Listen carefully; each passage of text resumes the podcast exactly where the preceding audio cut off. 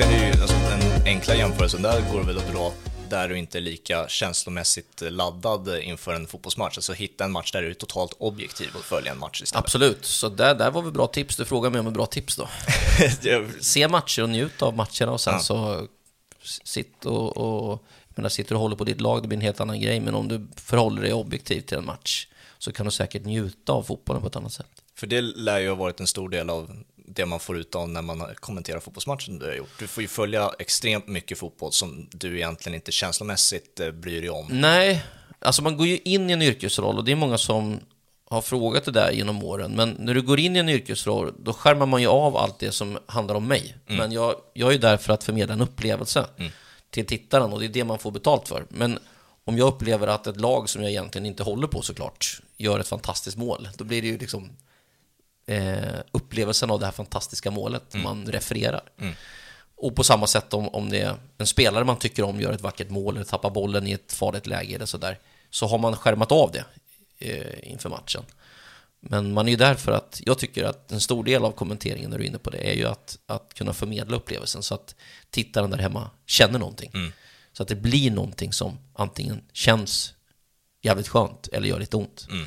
Eh, att komma åt att liksom hitta hela vägen in i hjärtat. Sen också kanske de här projekten som man gör lite vid sidan om, det jag gör här, men också du har ju också projekt, projekt vid sidan om, håller ju den liksom nyfikenheten men också älskandet för fotbollen igång ständigt. Liksom. Att mm. göra sina egna fotbollspodcast eller något sånt där, som du har gjort genom åren också. Och ja. antar jag kommer fortsätta med. Precis, vi får se lite hur det blir. Jag... Vi får avvakta lite. Jag... Vi har pratat lite om det ja, precis. tidigare. Mm.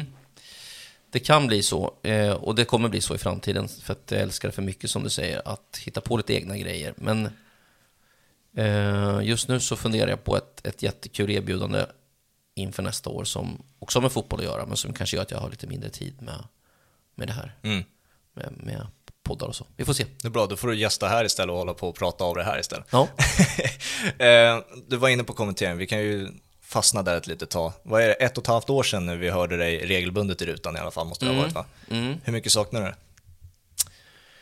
Alltså det är inte så att man saknar det på reguljär basis, så att man går hela dagen och tänker fasen, nu skulle jag vilja sätta mig och kommentera. Men jag måste säga att sista tre åren hade jag så jävla kul med kommentering. Mm. Jag är besatt av förberedelser. Mm. Älskar att vara bäst på det jag gör.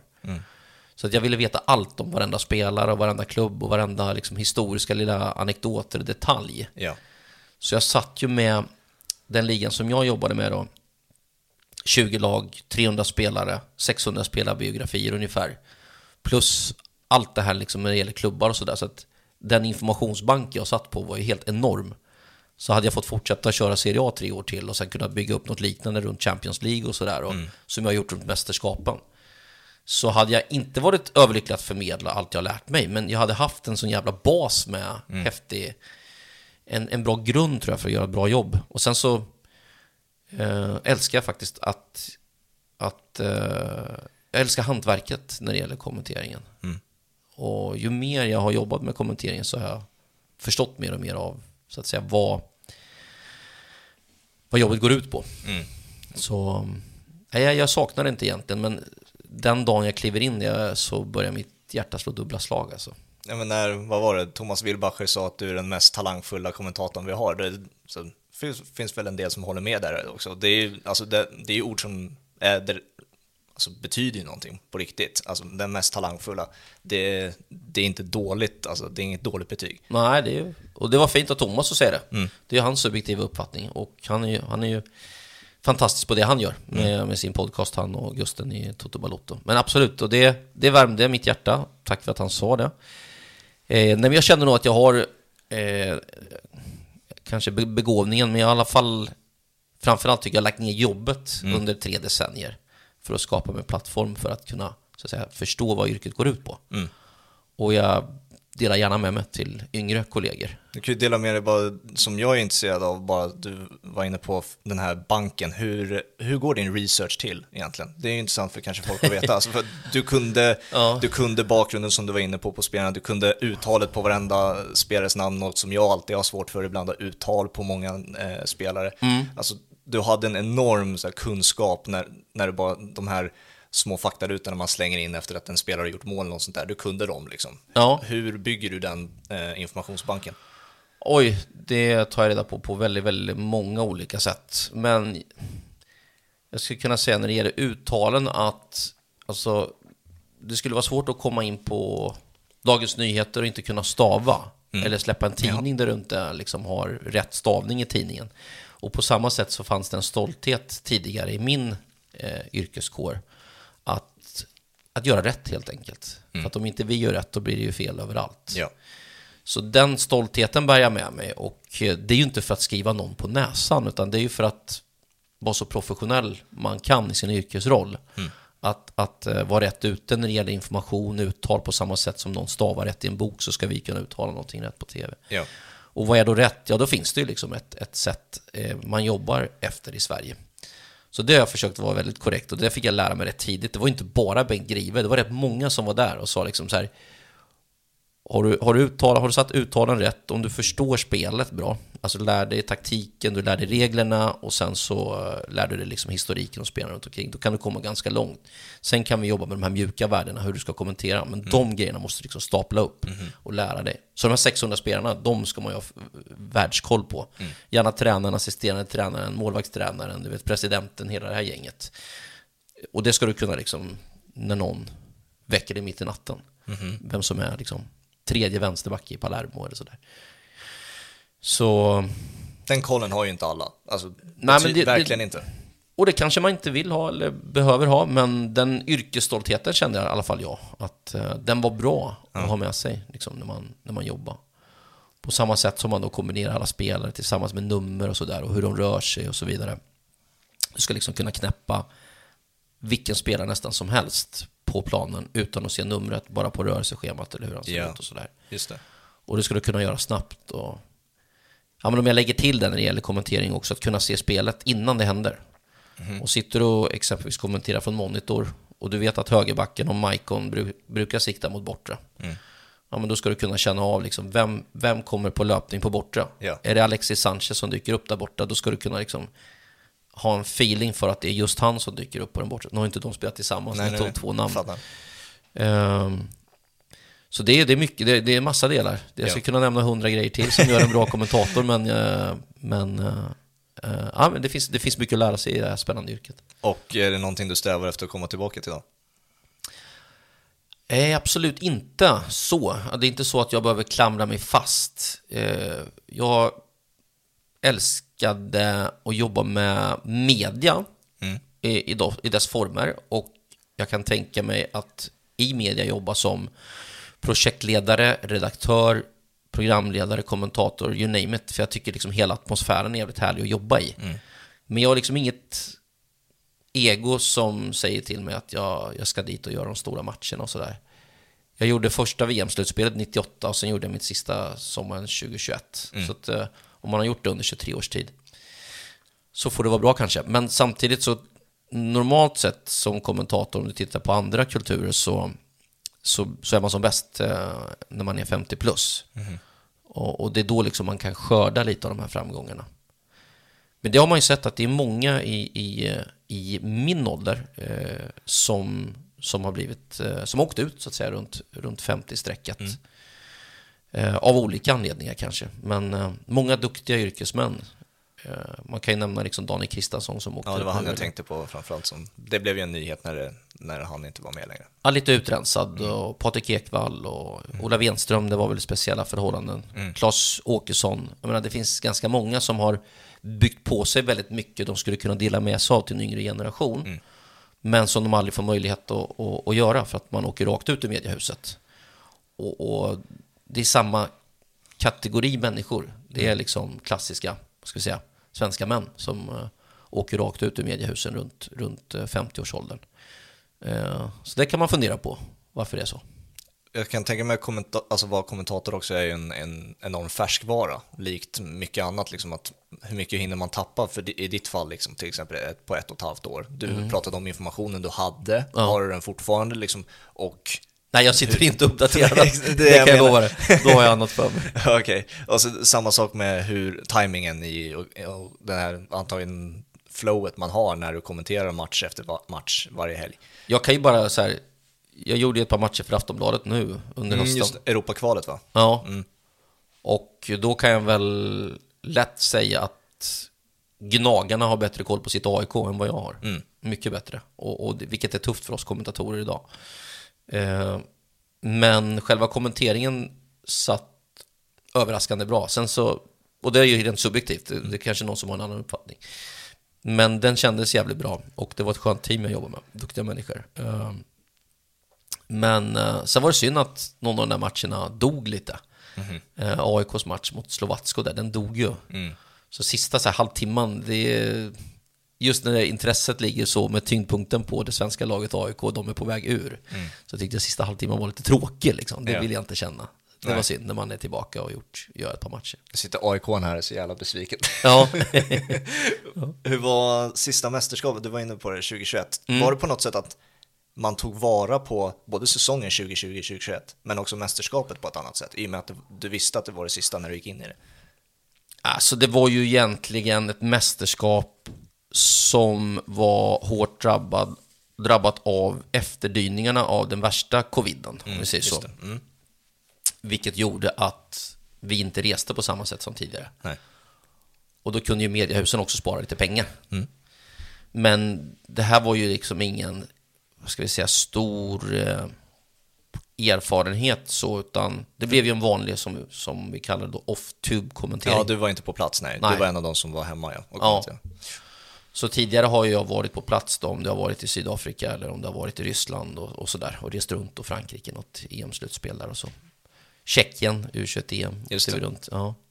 Så det här var ju att sitta i ett, i ett, i ett bås tillsammans med kollegor mm. som eh, Hasse Backe och kompani. Ja. Då blir det mer en social stund och sen så att göra så bra man kan. Läste på som en dåre. Mm. Tyckte det var jävligt kul. Fick göra Danmark några matcher. Mm. Hade sån jävla tur med... Jag tycker jag har alltid sån jävla tur i VM. Jag får alltid de bästa matcherna känns det som. det har varit sådär sedan 2008. Vilken var sista matchen i EM?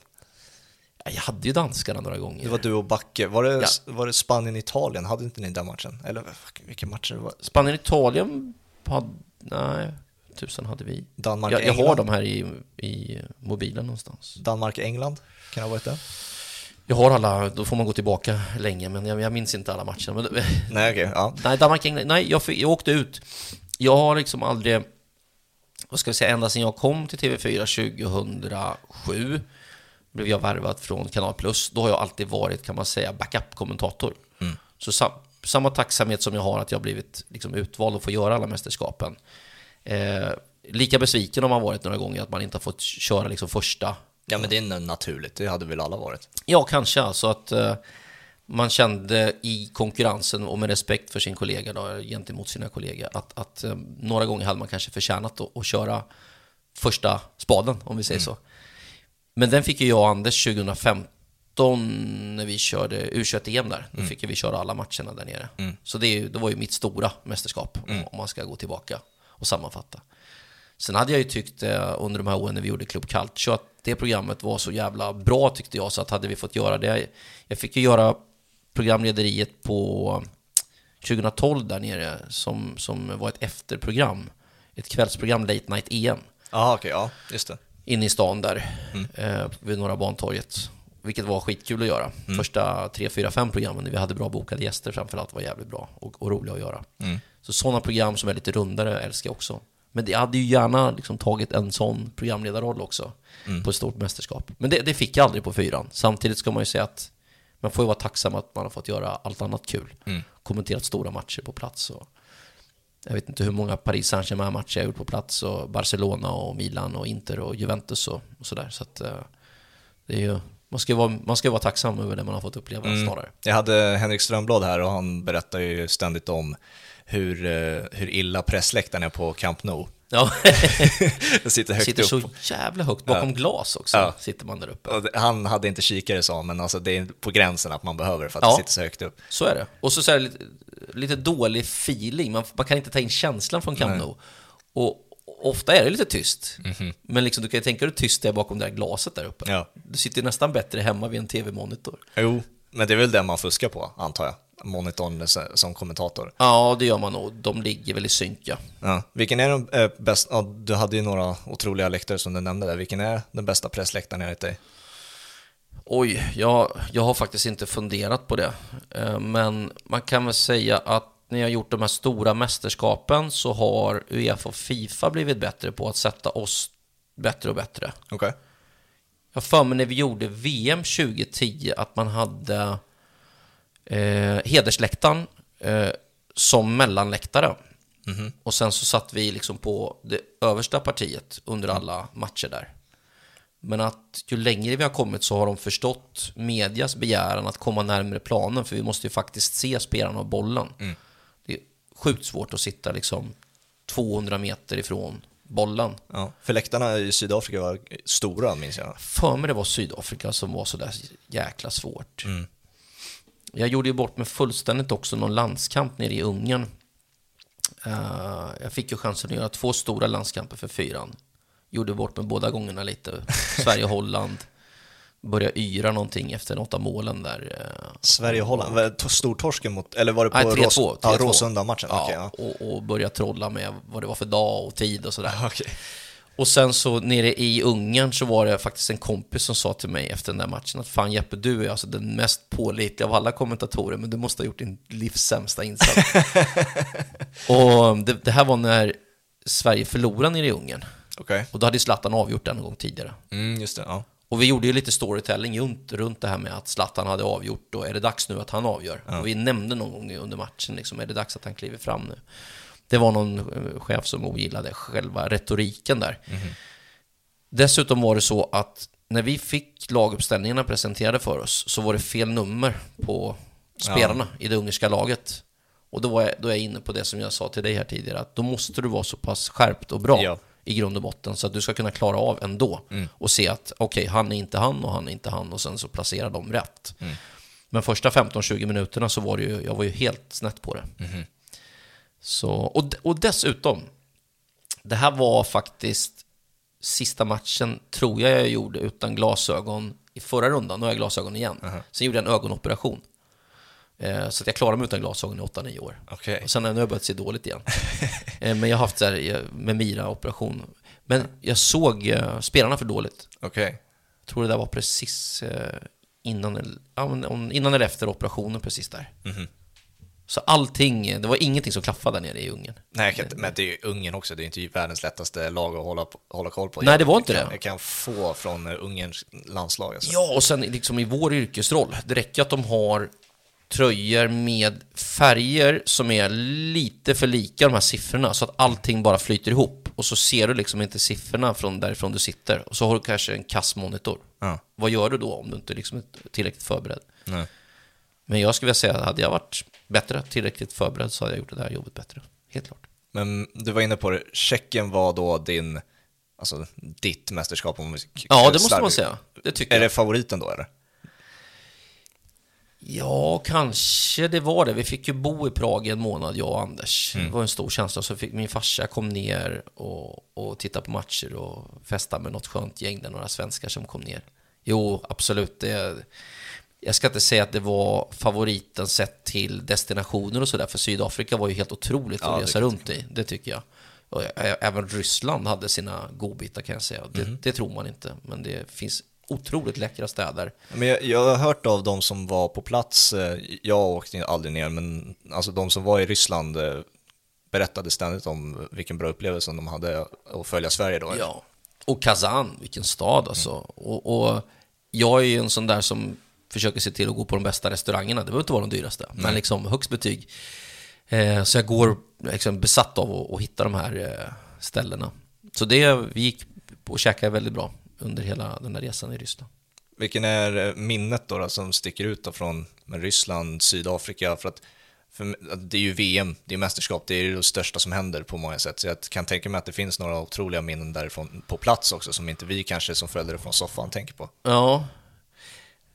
Det kan bli så här, du vet, när det har gått några år, att allt flyter ihop lite. Liksom, vart, vart var jag där och vad gjorde jag där? Men jag minns i alla fall några matcher där nere i Sydafrika på arenan i Cape Town mm. fick vi ju göra både England mot Tyskland och var det England mot Argentina va?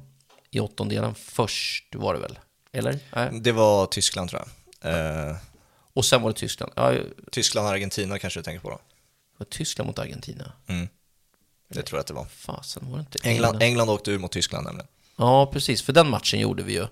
När Lampard får en jävla träff mm. utifrån. Det var där, efter det VAR kom fram, efter det målet. Exakt. Eh, och, eh, men sen åkte de ju sen på stor torsk. Det var ju då Thomas Müller var som hetast och ja. Podolski var fantastisk och allt det där i Tyskland och England. Precis. Och sen eh, Argentina, det var ju Maradonas eh, förbundskaptens ja. eh, det, jag, jag, tror att det är Tyskland och Argentina du tänker ah, på. Just det. Uh, då ska jag säga till dig nu, vad minns du bäst? Då var det väl England mot Tyskland jag minns bäst då. Framför, framförallt det här skottet från Lampard. Mm. Och där vi satt så såg man ju att bollen studsade ju, var det 3-4 decimeter innanför målet. Ja, alla såg att den var inne förutom domaren. Ja. Nu minns jag inte vilken domare det var, men... Uh, alltså, och vilken träff han har, Lampard. Ja, absolut. Och, och sen en hyllning till Frank Lampard. Alltså, vet du att killen gjorde över 10 mål i Premier League. Kan det vara 10 säsonger i rad? Ja, han är väl som mittfältare. topp top 5 eller något sånt där i all time i Premier League målmässigt liksom fortfarande väl. Vilken han har gjort så otroligt många mål. Fan vilken spelare. Men den där är intressant också, den där, eh, just den, det har så många parametrar den där eh, det målet som inte blev då. Mm. Alltså den bollen kommer jag ihåg också. Ja. Ehm, VM-bollen som de hade gjort en massa experiment på. Mm. Som snurrade och hade, hade runt sig. Det var ju bara Diego Forlan som lyckades kontrollera den där bollen till slut. Just det. För att den eh, flög ju på så massa konstiga sätt. Just det, så det, är det ju. Det var ju... Lite badboll va? Exakt, de mm. experimenterade på en, en att konstruera en ny boll som inte alls blev bra. Alla målvakter tappade den. Kul att du har den, den här bakgrundsinformationen. ja, det, mitt huvud funkar också lite likt alla de här eh, fotbollsnördarna, man, alltså, minns... Eh, man minns olika saker. Minns, ja, exakt.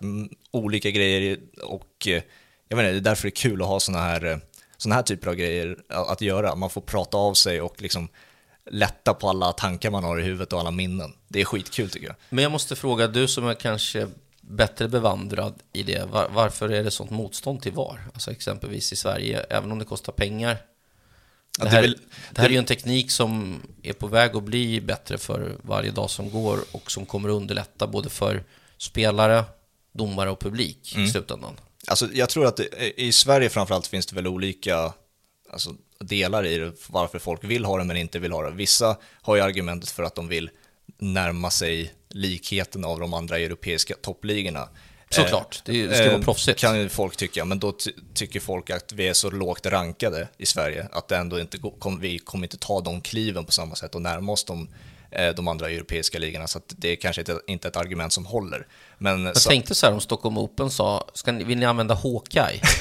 Stockholm Open bara, nej, vi vill, vi vill göra på svenskt sätt. Ja, men sen tror jag att det är väldigt skadat med att man har sett, alltså vi i Sverige, vi följer ju Premier League främst, eh, alltså om man tar gemene man i Det är ju spädbarnssjukdomar, och ja, de, är, de, är extrem, de är dåliga på att ta hand om det där. Eh. Var ja. ja. ja. och det är väl där skräcken kommer ifrån. Ska Sverige bli det där landet också som använder valsystemet på fel sätt. Att det tar två minuter för varje beslut, att det handlar om fingertoppar och naglar i beslut när det handlar om offside. Och att eh, istället använda domarens öga. Varför, sen... varför, fick inte, inte straff då, när man är täckt ansiktet? ja, det, det, är väl också en diskussion, så här, eh, tolka handsregeln. Ja, eh, och, men över axlarna, menar, man ser ju på några bilder att bollen är här uppe. Ja, han menar att han täcker facet, men eh, bilderna visar annat och allt vad det är. Ja. Alltså det, det, det, just med domare, VAR och allt det där, det är, mm. så otro, det är mer subjektivt än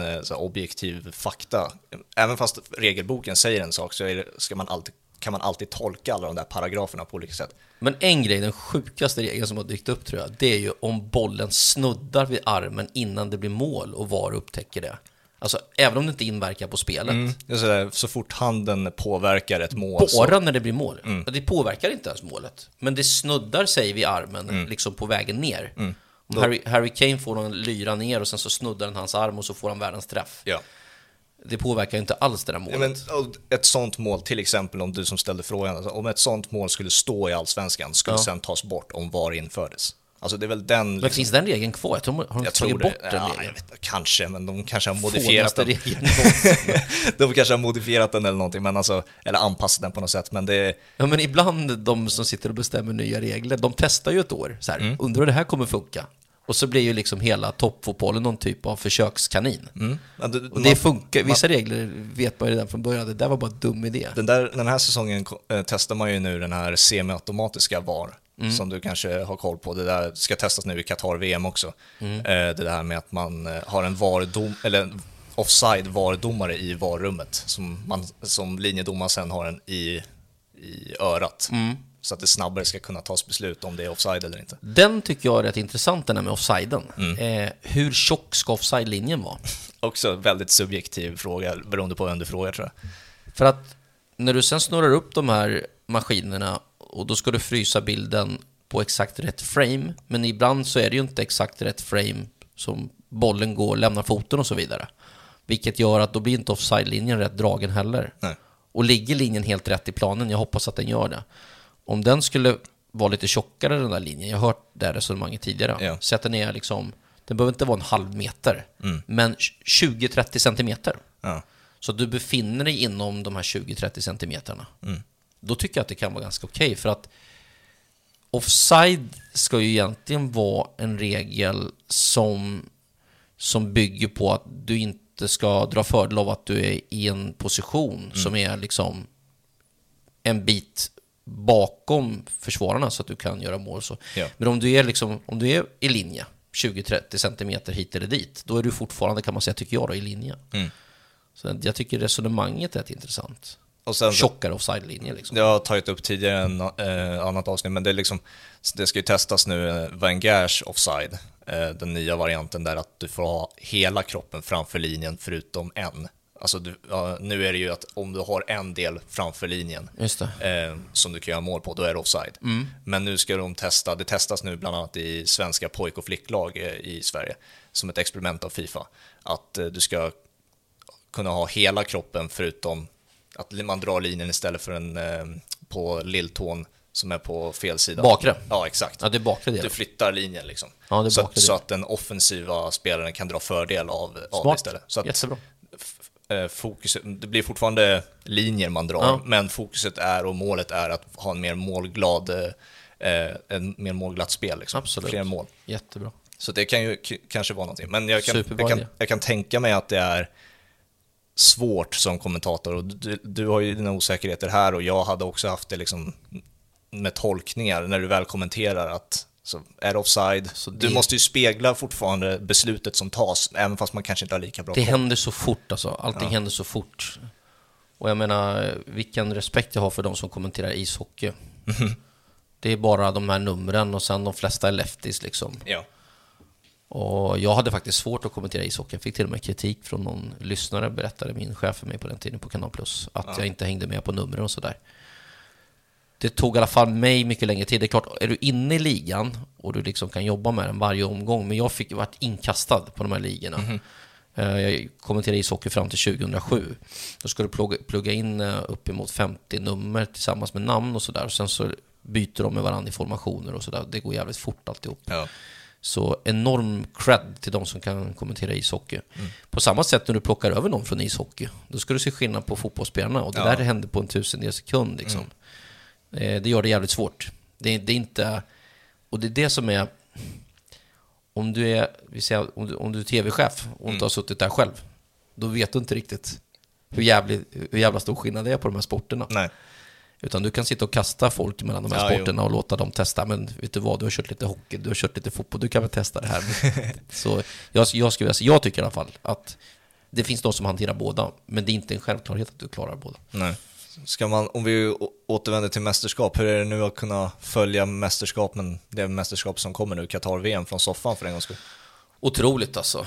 Mm -hmm. Fan vilken feeling. Eh, och bara kunna koppla av och lägga upp fötterna och kika. Satt faktiskt för något halvår, ett år sedan och filade på något koncept där man skulle ha någon typ av jävligt häftig show. Ja. När man skulle kunna se matcherna tillsammans och sen ha efterstudio mm. och sända någonstans. Jag har inte lagt den eh, tiden och energin på att göra det, men det hade varit jävligt läckert att boka en restaurang i Stockholm, du vet. Mm. se matcherna tillsammans och sen bjuda in eh, jättespännande gäster, lägga ut det på eh, YouTube eller Fotbollskanalen eller Aftonbladet, you name it. Mm. Och sen få ett annat perspektiv på det. De här studiosen är ju, de är bra som de är, men det poddarna har kommit in med tycker jag, som, som tv-studios inte har idag, det är det här att man kommer liksom utanför PK-sfären om man säger så. Mm. Det finns lite mer som är tillåtet att säga och man kan liksom ta ut svängarna lite. Det är väldigt, så här, det är väldigt stramt i de här tv-studiosen och det är format i tv. Och du kan fördjupa dig inom ämnen betydligt längre för att ja. du har ingen tid att an anpassa dig. Exakt. Det är ingen match som du måste ladda upp för, utan det här kan vi liksom bara surra och sitta och snacka. Liksom. Men det gör ingenting om någon säger lite fel eller om det Nej, är någonting som inte riktigt går inom ramen och sådär. Mm. Så jag tycker att det du gör här och det många gör som gör poddar idag och sådär eh, känns som det är allt fler som lämnar de traditionella mediehusen mm. när man ska sitta och se studios och, och, så vidare och lyssnar hellre på poddar kanske och YouTube-program. Titta bara på utvecklingen i USA. Jag menar, mm. de här traditionella mediehusen har jävligt svårt att mm. locka några tittare överhuvudtaget. I England också, är det ja. så? Och, och ta Joe Rogan då, då som... Han är ju större, han är ju flera gånger större än hela de här mediehusen. Tillsammans, ja. ja. ja. Alltså han är ju, han är ju liksom gudfadern när det kommer till podcast. Ja. Men, det... men där sitter ju folk i två, tre, fyra timmar och mm. får tala ut till punkt. Mm. Verkligen. Och sen så försöker de här mediehusen sno några citat som inte är politiskt korrekta och sen såga honom då, eller kapa honom. Mm, det har ju varit ett eh, drev som har varit mot honom väldigt ja. länge, som har varit lite, ja, lite överdrivet på många sätt. Men alltså, jag tror också att videopodcast, alltså vi har ju gått från att podcasta, som är, har varit väldigt populärt och är fortfarande väldigt populärt, men jag tror att vi på många sätt som har tagit fart i England och USA. Jag tror Sverige också kommer, det är i alla fall min hobbyanalys av det, att videopodcast är någonting som verkligen folk uppskattar för att du på något sätt är en del av samtalet på, på ett sätt eftersom att du inte bara hör utan du ser också. Du blir som tredje person. Exakt, att du verkligen är i rummet eh, mm. på ett annat sätt. Eh, det är i alla fall min analys av det, jag tror att det kommer ta fart betydligt mer Men i Sverige. jag tycker det är ärligt, mm. alltså så som Joe Rogan, om vi säger då, jobbar. Mm. För att du kan under de här fyra timmarna istället, hela, under hela de här fyra timmarna ifrågasätta vad gästen säger och så vidare. Du får liksom ett, ett helt samtal. Det blir inte bara en rubrik som någon ska klicka på. Nej. Så de stora förlorarna tror jag är de stora mediehusen. Mm. Uh, även när det gäller studios, jag menar många av mina kompisar vill inte ens se studion längre. Nej, okay. Nej, men det bygger ju på att du har ju matchen mm. och den vill ju alla se. Mm. Men det finns ju så många poddar idag som bygger upp till matchen. Ja, det är sant. Så du får nästan all information ändå och du kan ändå klicka det till det mesta på internet. Ja, konkurrensen är ju enorm, alltså oavsett måste, vilken vinkel du ser från det. Då måste du ha de allra bästa gästerna. Mm. Och idag sitter många liksom med IPTV och kan lyssna på Gary Neville eller Jamie Carragher eller vad som helst. Mm. Eh, och då måste du trumfa det. Mm. Och då, om vi säger då att Martin Åslund och Erik Niva och Bojan Djordjic kanske bidrar med någonting som alla vill se. Mm. Då har ju de, så att säga, fortfarande ett veto mm. att göra det. Men, men kommer du inte upp på den nivån, ja men då stänger folk av efter Ja, det är svårt. Är slut. Exakt. Ja, det är självklart. Mm. Du måste ha... Konkurrensen har blivit så bra. Mm, verkligen. Och eh, när du, om vi kommer tillbaka till studios också, eh, hur har du följt, du sa att du var taggad, men det kanske också är i och för sig att du inte kommer jobba med det, men eh, den turneringen som vi ändå har följt är, eller kommer följa är svårt att tagga igång för. Hur har du upplevt att eh, liksom, ja, jag, tagga igång inför ett jag mästerskap? Håller med. Nej, jag, jag är helt, när det gäller rent sportsliga så är jag helt, nästan helt ointresserad faktiskt. Mm. Och det är, ju, det är ju trist, självklart ska det vara så på grund av eh, alla omständigheter det har varit kring Qatar-VM, men alltså det är trist att ett VM och mästerskap, att inte ens det sportsliga kan man tagga, tagga igång för. Nej, och så inte Italien med. Jag menar, Nej, är... De har liksom en ny generation av spelare. De bommar två straffar i kvalet ja. som de bara ska sätta dit. Eh, Jorginho, jag förstår, oh, så att han bara fick chansen. Och jag är ju en sån som följer Italien mest. Mm. Liksom. Jag tycker att Ita italienska landslaget har varit mest spännande att följa de sista ja, men 20, kanske till och med ja, minst, 20, minst 20 åren. Mm. Med att jag jobbat med den ligan. Så jag har fått en känsla för just de här spelarna som spelar i ligan. Och det, det har inte bara med att göra att jag, liksom, att, oh, jag håller på Italien, utan Nej. man får en relation till alla de här spelarna. Mm. Jag menar om jag skulle se Italien i Davis Cup eller i skidåkning, jag håller inte på dem. Nej. Men jag får ju liksom en, en, en, varm relation till Barella eller som tidigare då Andrea Pirlo och sådär. Mm. Så, ja fy fan det hade varit så jävla ball att se Italien. Ja, är, men så, då är inte de med. Nej, inte de eller Sverige. och inte det, Sverige alltså, det, det, är också ett sätt eh, som är väldigt svårt att tagga igång för många, att Sverige inte är med heller. Vem ska man eh, hålla på då? Ja, alltså då blir det ju att man följer av den objektiva känslan för att älska fotboll. Liksom. Men ja. många har svårt att älska det som händer just nu kring fotbollsvärlden på grund av hur Fifa och Qatar-VM ser ut just nu. Liksom. Och finns det några bra lag? Alltså för, om man tittar till två och fyra år tillbaks, mm. då fanns det tiotal nationer som pikade. Ja, det är inget pikande landslag just nu, nej. Det var ett helt gäng tidigare. Kommer mm. du ihåg hur bra, jag menar, ta bara efterdyningarna på Spanien, vad de hade kvar ändå mm. för tre, fyra, fem år sedan. Mm. Brutalt lag. Mm. Italien bara för ett par år sedan, vad de har varit på väg att bygga upp. Eh, Belgien, mm. alltså vad har de haft för otroligt landslag sista fem åren? Det är ju sista chansen för dem. De har sagt några gånger nu, de, de, bli, de har inte ens Eden Hazard i form eller någonting längre. Visst, de har ju Kevin De Bruyne och sådär, men de känns ju inte alls lika Nej. tunga som när Company var som bäst och sådär. Mm. Tycker jag. Nej, det är ju helt sant. Och sen Argentina, och Messi liksom, han har ju inte, han gör inte sina 80-90 mål per säsong längre. Ronaldo i Portugal, samma sak. Precis, och så har du Frank... Fan, jävlar vad jag gnäller nu. Nej, nej, det är, jag tror det är, många som känner samma sak. Kanté och Pogba liksom. Missa Frankrike. In, missa liksom. Vad fasen. England har sett sämre ut än på... Alltså, ja. Det har inte varit så dåliga alltså, på tio år känns det som. Neymar eh, känns ju inte som att han är i sin uh, hetaste period. Nej, och det är ju också ett, eh, nu har det nämnt, vi har nämnt några spelare här, alla gör ju sitt sista mästerskap också. Antagligen. Haaland är inte ens med. Nej, Haaland är inte med. Vi har Neymar gör sitt sista, sista mästerskap, Ramos får vi se om han sen är kallad, eh, Ronaldo gör sitt sista, antagligen. Eh, I alla fall VM, Messi sista VM. I Qatar. I Qatar. Alltså, jag blir så I november. Bara. I november och december. ja, i december också. Eh, vad var det, Håland? Ska vi... Ja, hela den mytbilden du byggde upp av mig som positiv, den har ju spruckit. så du sjunger om det. Ska vi bygga upp någonting positivt då? Nej, men så ointressant VM. Ja. Och, sen, och så lägger man det på vintern, liksom, mitt i en säsong. Ja. Vilket, vilket sabbar också säsongen på något vis, ja. tycker jag. Det är så oseriöst på något sätt. Mm. Jo, jo, alltså, men det, var, det är det enda sättet att rädda upp det katastrofala beslutet som man tog när nu Qatar röstades fram. Var det 2010? Eller tog, man röstade fram Riv Qatar. upp beslutet. Ja, det är ju alldeles för sent nu. Nu ja, men liksom, du måste, de jag menar, Lund har väl skrivit en hel bok om hur det där skiten gick till precis, när de fick... Jag har precis börjat på den boken faktiskt, ja. jag ska se till att ha läst ut den innan. Kul att någon tog tag i det där till slut Verkligen. och skrev en bok om det. Mm. Det ska bli... All cred till Lund där. Verkligen, och blev nominerad för, minns jag inte vilket pris det var nu då, men eh, det var... Har han fått det? Blivit han, nominerad han blev nominerad för det hur han har granskat det här nu. Snyggt. Så att, eh, det den... borde ju liksom kunna vara en bok som kan sälja internationellt kan jag tycka. Ja, det tror jag absolut. Och... Då blir Lund rik och så kan han sitta på Rish och ställa vad fan han vill. Så. Men sen också tror att det är nyttigt för, eh, nu gör jag reklam för Lundsboken, men det tycker jag att han förtjänar. Alltså det här, en bok som man bör läsa innan mästerskapet drar igång för att liksom verkligen ha koll på vad som har hänt. Bra, promota Lunds bok. och, det så det, det, tycker jag verkligen att folk ska läsa. Men mm. Ska vi ta lite mer positivt då? Vi har, eh, du nämnde en norrman, du är Manchester City-fan. Vad var det Ja, fan vet jag inte, men jag håller på dem. Ja, ingen... Vadå, inte... Nej, men jag är ingen sån där som springer till matcherna i någon uh, City-tröja och sådär. Jag har aldrig varit fan. Liksom. Nej, det, men det är det definitionen då? En support, vad ska jag kalla det då? En fan, det, det är fanatism. Okay. Det är ju, ja, men supporter kanske man kan, ja men okej okay då. Okay, ja. Då får jag iklämma den rollen. Och eh, norrmannen som kan bli störst av dem alla var ett citat från dig i augusti, vet jag. Eh, ja.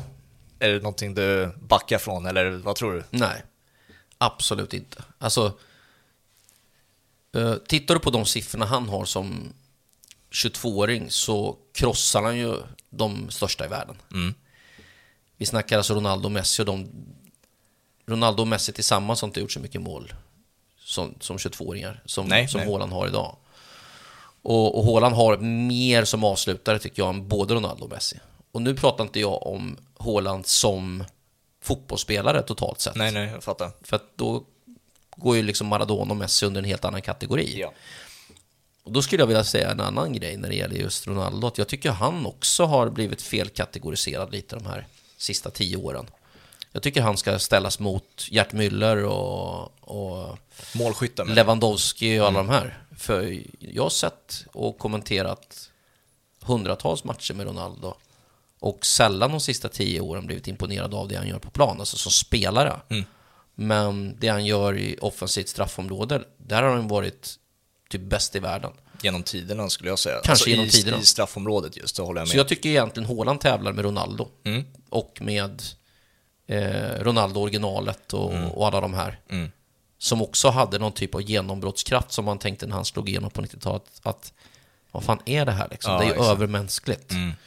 Jag tycker faktiskt Håland är mindre tekniskt såklart eh, bevandrad än vad den riktiga Luis Ronaldo var fenomenet där. Men mm. jag blir ändå mer, liksom, som många blir, begeistrad över att se honom sätta fart i djupled. Mm. Fasen var det här nyligen när Ederson bara skickade iväg en boll mm -hmm. mot Brighton va? Ja, han rundar keepern. När han kör runt, över en, en mittback också. ja, men, ja, men liksom, är det Lewis Duncan någon som ska in och ge honom Säkert. en, ja, en Jag vet faktiskt inte vilken, jag vet vilket mål det är, men vilken match minns jag inte. Ja, men keepern tror jag att han är på väg ut ja. rätt. Mm. Men eh, shit, han upptäcker att Håland är så jävla snabb så han hinner in före. Mm. Vad, vad, tror du händer om eh, snabbheten försvinner för Håland? För det är också en... Eh, han kommer behålla det där ändå. För att alltså, han, han är en målskytt. Ja, han är ju farlig. Det är inte farten han lever på, Nej. men han har farten och målskyttet. Det är då han kanske tappar fem eller tio mål per säsong där han inte spurtar ifrån sin backlinje, men han kommer vara, eh, han kommer vara lika målfarlig i straffområdet. Minst 5-10 mål per säsong, men han, du vet, han är en spelare som Zlatan. Han kan göra om sig själv lite. Anpassa sig, ja. Och Ronaldo gjorde ju det också. Mm. För att han är så pass smart. Mm. Och det hör man ju också i intervjuer och sådär, hur han... Och titta på honom på planen, mm. hur han orienterar sig liksom. Det är många som tänkte med Pippo Inzaghi sådär att fan vilken jävla tur att han dök upp på bortre stolpen varenda jävla gång. Varför är det han varenda mm. gång? Men de har ju ett sjätte sinne. Mm som en vanlig fotbollsspelare inte har. Det är ju så. Nej, men det, är också att man har, det finns en annan aspekt i att man har faktiskt koll på hur bollen rör sig, studsar och man har inte fokus på, som många anfallare har, fokus på backlinjen så att jag är fri. Han har fokus på bollen så att bollen mm. kommer till mig. Ja. Det var ju, eh, den, det här är en konstig jämförelse, mm. jag gör en Dennis Rodman i i eh, Bulls, i Chicago Bulls. Han var ju expert på, han sket ju i om det var fem försvarare framför honom eh, i basket. Om han kunde se att bollen studsade på ett sätt, då kunde han veta, okej, okay, om bollen snurrar så och studsar så, då vet jag var bollen kommer landa. Exakt. Så, så jag placerar mig där istället. Ja. Det är väl liknande på, på, hur de här målskyttarna väljer Absolut, och titta på de bästa hockeyspelarna, liksom. Peter Forsberg var ju på samma sätt. Titta på Kevin De Bruyne när han står en passning. Mm. Han ser ju hur, hur spelare roterar på planen. Mm han kan ju känna in rummet mm. och se vad som ska hända i nästa moment mm. som andra människor inte kan. Jag lyssnade på en uh, intervju med Thierry Henry. Han uh, sa att det finns ingenting som frustrerar honom lika mycket som när folk, vanligt folk som du och jag och många andra inte förstår skickligheten som fotbollsspelare besitter. Alltså att när man ser en nedtagning eller ett mål eller så vidare, något liknande, att man inte förstår hur svårt det är på den absoluta elitnivån att faktiskt klara av det, men att man får, de får det att se enkelt ut och därför är de så bra. Plus att det är en annan sak tycker jag, och det handlar om geometri, mm. men det handlar också om hur du uppfattar tid. Jag ja. märkte ju själv alltså, när jag spelade fotboll att när jag kom upp i division 4, då började det gå fort för mig. Mm. För att jag uppfattar tiden så snabbt för att jag är en för dålig spelare. Mm. Liksom har jag sett toppspelare ta emot en boll på mittplanen utan att känna sig stressad överhuvudtaget. Mm. Liksom, om det var Christian Eriksen när han var som bäst, eller Paul Scholes, eller Xavi, du kan ta vem du vill. Mm. Men så lugna och sköna, Andrea Pirlo. Mm. Här kommer en upp i press, här kommer en dit. Det kan komma tre spelare från olika håll. Mm. Hur lugnt som helst, vet hur allting snurrar, kommer ut ur situationen, står en cool passning. Mm. Och det där är ju klass. Jag menar, på samma sätt som när Messi är på väg att dribbla förbi ett helt försvar, ja. så ser ju han vilket ben backen står på. Mm. Och har du inte klassen eller farten eller uppfattar tid annorlunda, så kommer du inte förbi ändå. Mm. Men för honom ser det ut som att han kan stanna upp tiden mm. och göra det här liksom i ultrarapid ja. och glida förbi. Exakt. Så att även om vi får förhålla oss till tid på samma sätt, i och med att ja, den är konstant, mm. så uppfattar vi den olika. Är det därför Andrea Pirlo är en favorit för dig? På grund av att den här enkelheten. Alltså Pirlo, du vet, jag vart ju kär i han rätt tidigt. Ja, du har berättat en uh, fin anekdot, var det när du var på Milanello för mig? Ja. Uh, du berättade för, för, några månader sedan. Det var att han slog och tränade frisparkar, tror jag det var. Ja, men jag är ju lite så här italofil, så att våran liga försvann ju lite. Eh, den drunknade i Premier League-fantasternas mm. liga hemma i Sverige. Och länge när man pratade om Lampard och Gerrard som ska ha all respekt så var det ingen som nämnde Andrea Pirlo mm. fram tills han hade fullständig lekstuga med England 2012 där i det, ja. EM. Och då liksom visar han upp någonting som alla de här engelska spelarna saknar. Mm. Det här med att diktera tempo i matcherna och ja. lugnet med bollen och sådär. Touchen framför allt och kanske tillslaget. Men ja, det finns en rolig historia med Pirlo där. Dra den, för de som inte har hört den. Ja, alltså jag, jag har ju tyckt om honom så mycket längre än då. Han, han, blev ju, han var ju faktiskt trekvartista till att börja med. Mm. Spelade högre upp i plan, klassisk tia innan Ancelotti då byggde sitt klassiska Milan-lag. Ja. Drog bak honom som en eh, regista där, mm. en professore som låg lite bakom Gattuso och eh, Clarence Cedorf, lite som en quarterback i, i amerikansk fotboll. Den klassiska diamanten minns man ju med Pirlo, Cedorf, Gattuso och Kaká framför. Ja, det är ju liksom... Stämmer. Mm. Och, och, innan var det ju Rui Costa där första Just året det, innan ja, Kaká kom. Precis. Så, jag menar, det är ju inte... På den tiden så var det faktiskt rätt genialt att hitta en sån diamant mm. med de olika egenskaperna. Mm. Sen är det många som har kopierat det eller emulerat det efteråt. Mm. Men det där påminner väl kanske lite om det Barcelona gjorde med Guardiola på 90-talet. Det är väl ingen slump heller att de påminner om varandra, Guardiola och Pirlo har samma styrkor, mm. samma vad ska vi säga, svagheter också. Ja. Ingen av dem är så här, något kvicksilver direkt. Nej, exakt. Nej, men jag var på Milanello vid några tillfällen. Den här gången så var jag där med, var det Jeppe Blomqvist? Och vi stod och kollade på frisparksövningar. Och det var två dagar innan derbyt mot Inter. Och bollen låg i perfekt Pirlo-position. Så ställde de upp en trämur där med lite sådana trägubbar och så hade han en frisparkstränare där nere.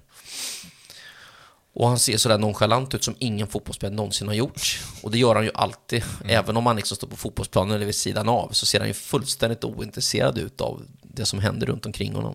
Så här, en hand vid sidan och sen, okej, okay, dags att springa fram, nita på första bollen. Fastnar på den här trämuren på första gubben. Högst upp på huvudet. Okej, okay får något tips eh, av den här eh, tränaren då som kommer fram, snackar lite med Pirlo och så ser man hur han liksom nickar till och bara wow, just det, okej. Okay. Sen drar han en frispark rätt nära stolpen, en bit under krysset eh, som sitter. Sen drar han en likadan till, sen drar han en likadan till. Han hade 11 bollar, 10 rad, sitter i princip i samma maska. Ganska långt under ribban, men rätt så nära stolpen liksom. Okej. Okay helvete alltså, det här är helt sjukt. Så Blomqvist tittade på mig och bara så här, och Blomqvist var ju på rätt hög nivå och hade en jävla fin vänsterfot ska man veta, rätt underskattad. Han bara så här, du vet, jag har aldrig sett någon sjukare, sa han. Du vet, jag, jag tror inte det är sant. Att han, han, kan, alltså, han kan kopiera, han kan, han kan slå tio likadana frisparkar över muren. Fruktansvärt svårt. Så går vi in igen och så sätter vi oss och uh, värmer oss och då är det samtidigt på tvn då ett derby mellan Birmingham och Aston Villa. För mig det står, ja, ja, men så det är jämnt i matchen i alla fall och det börjar liksom närma sig mot slutet. Och då kommer Pirlo in. Sitter jag och Blomqvist och tittar där. Och vi tittar upp liksom, ja, morsar på varandra, så här hej, och så stannar han till och tittar och då är det frispark för Aston Villa, och så är det Gareth Barry som ska skjuta från motsvarande läge, fast på andra sidan då i och med att Han är vänsterfotad. Barry är ja. vänsterfotad. Och det regnar så inåt helvete i England. Så, och det är, liksom, vi sitter ju där i rätt skönt väder i Milano och bara myser. Och Barry tittar och muren korrigeras och målvakten ställer sig liksom och så kliver Barry fram och så skickar han upp den här bollen på 37 bänkrad. och då så här, vände vi oss mot uh, Jeppe och jag mot Pillo och han bara Ja, typ så kan det gå. Så rycker han på axlarna. Nej, skön liksom. Så går det två dagar och så är det derby, Milan-Inter. Kan det vara knappt kvart in i matchen. Milan får frispark i Pirlo-läge i princip där han har lagt bollen på träning. Och Blomqvist säger det här är mål för Milan. Vi har sett Pirlo för ett par dagar sedan stå och slå frisparkar och han, han kan sätta tio sådana där i rad. Den där kommer vara på mål och Toldo kommer inte kunna nå den där bollen typ. Något i den stilen.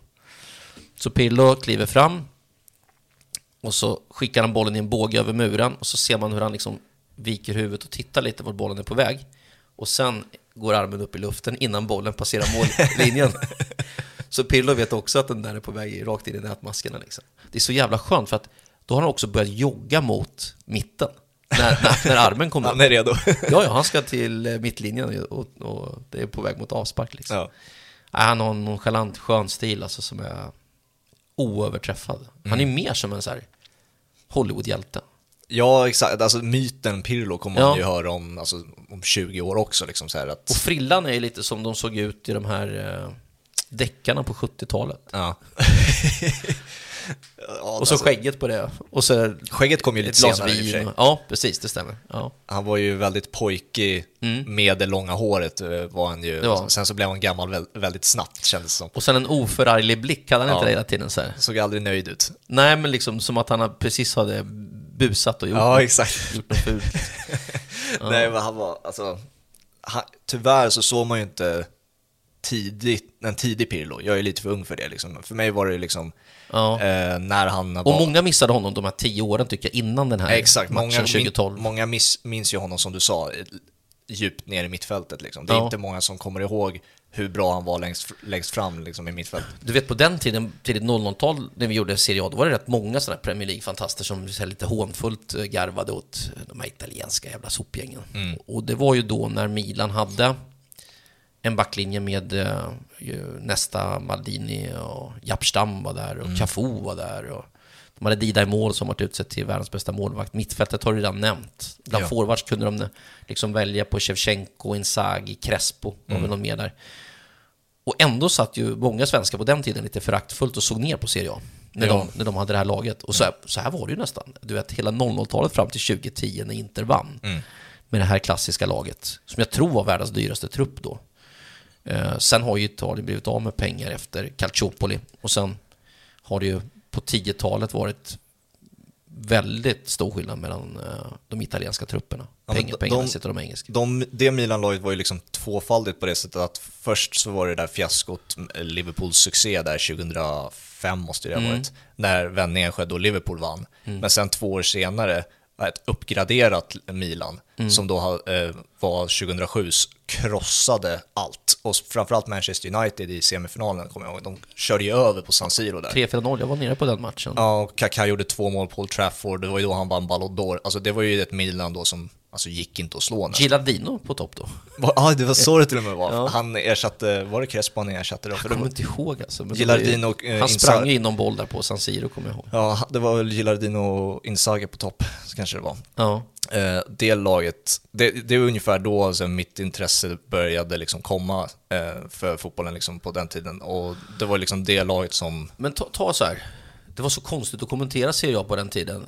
Alltså vi hade ju våra ska vi säga, ambassadörer för Serie A som älskade ligan. Jag såg ju både Premier League och Serie A mm. väldigt mycket. Men liksom Italien, alltså Juventus de här åren hade alltså Buffon i mål, Sambrotta vänsterback. De hade alltså, efter Ferrara hade de, och, och Giuliano de här var ju med. De hade Tyrammo och Cannavaro mittbackar. Ja, det är ju Zlatans eh, Juventus. Väl, Precis. Måste det ha varit. Ja, då började ju folk intressera sig lite när Zlatan kom mm. 2004. Ja. Men fram till 2004, mm. Camoranesi som sen blev världsmästare, Emerson och Viera centralt. Nedved mm. till vänster som vann Guldbollen. Mm. Trezeguet på topp tillsammans med Del Piero. Det här var första åren på 2000-talet. Herregud, vilket lag alltså. Ja, men då tycker han nog så här, du vet, när man satt och gjorde de här matcherna, så jag kommer ihåg Niklas Holmgren, du vet, när man gick in och gjorde en Serie A-match och han skulle kommentera typ Brentford-Bradford. då brukar han lite så här föraktfullt säga, du, Husved, det är ingen som ser de där matcherna ändå. men han har, han Vad ska ju, du göra? Men han har ju en poäng. Jag gör Bradford, Brentford. Tyvärr har han ju en poäng på det, på, tyvärr säger jag. Men, alltså, men jag bara tänkte så här, vad gör folk med sina liv? men, det är Jove med det här laget som ska spela. Problemet, alltså, säga problem, alltså folk älskar ju Premier League fortfarande. Alltså, och jag, jag älskar också Premier League, jo, jag, jag, jag har alltid gjort det, men jag tycker jag tycker fram till för bara några år sedan att ligan har varit lite överskattad. Mm. Men nu är den ju så bra som man alltid har sagt. Mm. Medan den spanska ligan har ju haft bättre resultat ute i Europa ända fram till bara för ett par år sedan. Ja, det är ju bara Real Madrid kvar i Champions League till exempel. Så det är... ja, de har ju tappat helt. Ja, och det, alltså Serie A på ett sätt har ju tyvärr tappat också. Alltså, det var ju inte så... Det är länge sedan. Det var ju, jag har funnit med det för 10-15 år sedan. Det fanns ju en intressepiken då när eh, de sista åren du kommenterade Serie A, då Zlatan kom tillbaka till Milan, Juventus hade sin Champions League-satsning med Ronaldo. Ronaldo och Lukaku var i ja, Inter. Inter hade sin satsning med Conte, Atalanta. Kulusevski slog igenom. Ja, Kulusevski slog igenom. Atalanta, alltså trots all logik presterade bättre än många av de här lagen jag nämnde. Alltså, Svanberg var på väg att slå igenom. Mm, alltså, det, den Serie A-tiden måste ju i och för sig varit extremt kul att avsluta. Sjukt ball alltså. Det var ju en... Alltså, Nej men alltså, ta bara ta bara de här åren jag kommenterade. Eh, nu är Sarri tillbaka i Lazio, vilket är jävligt bra, men Sarri Napoli, vilken fotboll de spelar. Mm.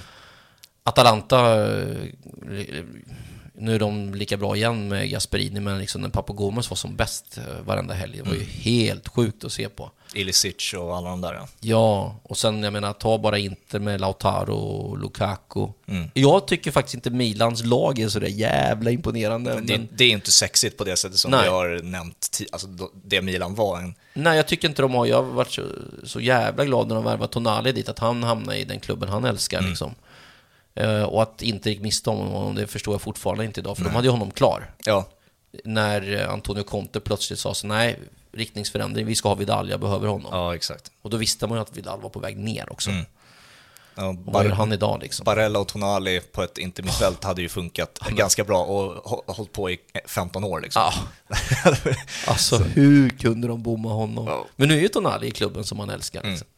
Liksom. Men jag tycker fortfarande inte att Milans lag sådär på pappret är Nej. så jävla spännande. Det är väl det klassiska Serie A-kollektivet som eh, liksom Eh, Milan står för och har gjort det väldigt bra. Ja, det är några som, det är några som står ute. Ja, så med sin eh, så här, Leao till exempel och sånt där, med sin spets. Det, ja, han det vinner matcher, långt liksom. ifrån, tycker jag, liksom färdig som spelare. Ja.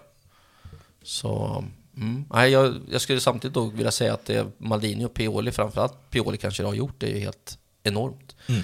Maldini också, man har hittat spelare som funkar i laget till ja. rätt prislapp.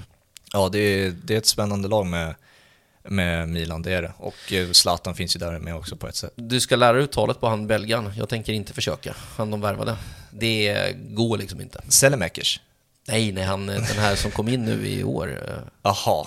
Som jag inte vågar säga namnet på. Vi... Jag vet att han stavas Deketelere, men han heter inte det. ja, jag vet vem Han heter typ Deketelere. Vi slänger upp namnet så ja. folk kan försöka läsa. Nej, ja, det är helt sjukt. Ja. Han, han står ju på Milans hemsida tror jag och, ja. och instruerar folk vad han heter. Aha, okej. Okay. Ja, nej, det är ett omöjligt, eh, det här med att uttala sig. Skicka frågan till Bengt Skött. Jag menar, han där har ett superproffs. Ja, jag, jobbat, jag har jobbat med Bengt Skött på Radiosporten. Han var... Grym alltså. Ja, fantastisk. Alltså riktigt, riktigt bra. Där snackar vi väldigt bra referat rakt igenom jag tycker det är så jävla elakt att kalla folk som vill göra någonting bra för uttalsfascister. Det är så dumt så att det Nej, finns alltså det, det, är, det finns en, som du har varit inne på, en standard man alltså, förhåller sig till. Liksom. Men sen så tycker jag inte heller, alltså, även fast jag har svårt för uttal så gör jag mitt bästa och ibland så blir det fel ändå. Så det, ja, nej, men liksom bara man gör sitt bästa. Ja, exakt. Såklart. Ibland så blir det så här, ja, så här, det finns ju den eviga debatten om hur du ska uttala portugisiska namn numera. Heter han Bruno Fernandes eller Fernandes till exempel? Ja, just det. Och då är faktiskt den första rätt. Ja, det beror ju på vem man frågar. Ja. För vissa kommentatorer tar ju portugisiskt uttal. Ja, där har jag varit på jävligt många portugiser och frågat om just det där. Mm. Så den andra som du sa är åt helvete fel. Okej. Faktiskt. Ja, det är mycket CH-uttal där liksom. Ja, men det är vissa, vissa namn mm. är det så. Jag har mm. faktiskt gått bort med det några gånger och okay. haft fel. Mm. Exempelvis på Lukas Leiva. Där, det är inte, jag körde väl Lukas ett tag. Ja, just det. Helvete fel. Liverpool, Lazio. Så ibland blir det vanligt dess, mm -hmm. även på portugisiska. Mm. Men det, är det skillnad på portugiser och brassar? Alltså grejen är ju, det du ska uttala är ju inte det dialektala. Nej, okay. Utan det är språket i sig. Mm. För att annars hade ju 80% av den brasilianska befolkningen säger ju Ronaldinho, ja. eller Ronaldo. Men det är dialektalt. Mm, du ska inte gå på dialekt, Nej, du ska okay. gå på språket. Ja. Så det kanske är därför det blir Lukas Leiva. Men en som är stenklar, bombklar, och som jag tycker, åtminstone vi har satt där vi har satt standarden för den, det är ju Kevin De Bruyne. Ja, det är ju ett exempel. Många, där kan man är det inte... Bruyne, Bruyne? Ja, men det, han heter ju Kevin De Bruyne. Mm. Där, där har de ju satt den bra, och det gör man internationellt med. Så den får man inte gå ifrån. Vi ska avsluta med en fråga som eh, just den belgaren Kevin De Bruyne fick. Eh, nu sa jag rätt va? Ja. Bröd. ja men eh. först måste jag bara säga så här, mm. För nu har vi inne på ett långt jävla resonemang när det gäller Håland, ja. som vi började på förut.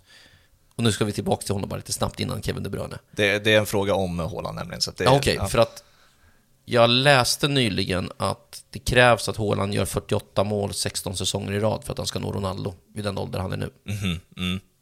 Det är en viss eh, standard, men många, många vill ju gärna eh, säga att Ronaldo inte var särskilt bra nu när det går lite sämre för honom. Men, alltså eh, nästan 50 mål, 16, tills han är 38 år. Ja. är sjukt alltså. Det är så otroligt sjukt. Då börjar man fatta Ronaldos siffror. Men Messi och Ronaldo hade ju, de närmade sig 100 mål per kalenderår var, alltså när de var i sin peak. Det, är liksom, det kommer aldrig göras om igen antagligen. Möjligen att Haaland kan göra det igen. Liksom. Messi hade, ja, Haaland tror jag, absolut. Messi hade väl 90, han har väl ett rekord på att han gjorde 91 mål ja, eller vad det var på 2012 eller vad det var. Mm. Vilket är... Alltså. Plus, plus att han är en sån jävla artist eller underhållare, mm. kanske inte som människa, men att han kan göra häftiga grejer med bollen också. Ja. Han kan ju faktiskt också numera bygga upp spelet ja. och ha en jävla god touch och se spelet som inte andra gör och sådär. Ja. Mm. ja. Vi avslutar med ja. en De Bruyne-frågan då, som eh, han fick eh, bara häromdagen. Eh, som Manchester City-supporter eh, så kanske du har eh, samma svar som honom. Manchester City har en möjlighet, precis som 2012, med en sista spark att uh, skjuta en Premier League-titeln. Uh, vem vill du skjuter skottet? Agüero eller Haaland? Jag såg det, och det är ju självklart Kun Agüero. Uh, men då är det ju så att då måste man faktiskt skilja på de här egenskaperna. för att Agüero är ju en spelare som, tycker jag, kunde kliva fram i avgörande lägen. Mm. Och det säger man ju om många bra målskyttar att som Lukaku exempelvis har ju nästan aldrig visat i 85 eller 90 Nej. att han är den som avgör ett derby eller en stor viktig match. Nej. Men han kan göra två mål innan dess, mm. första timman, som nästan ingen annan kan göra. Så det finns ju spelare som har de egenskaperna. Titta på Lewandowskis mål, de sista han har gjort här liksom, i de stora matcherna. Mm. Han har ju allt som målskytt. Mm. Plus att ju större match det blir, ju viktigare läge du kan lita på Lewandowski. Ja. Men av de två, jag måste säga såklart Kun Agüero. Mm. Självklart. Det var De Bruynes svar också. Ja. Så. Lätt. Men då är Haaland 22 år, så ja. att ge honom 5-10 år och då kommer det vara ett annat svar på den frågan.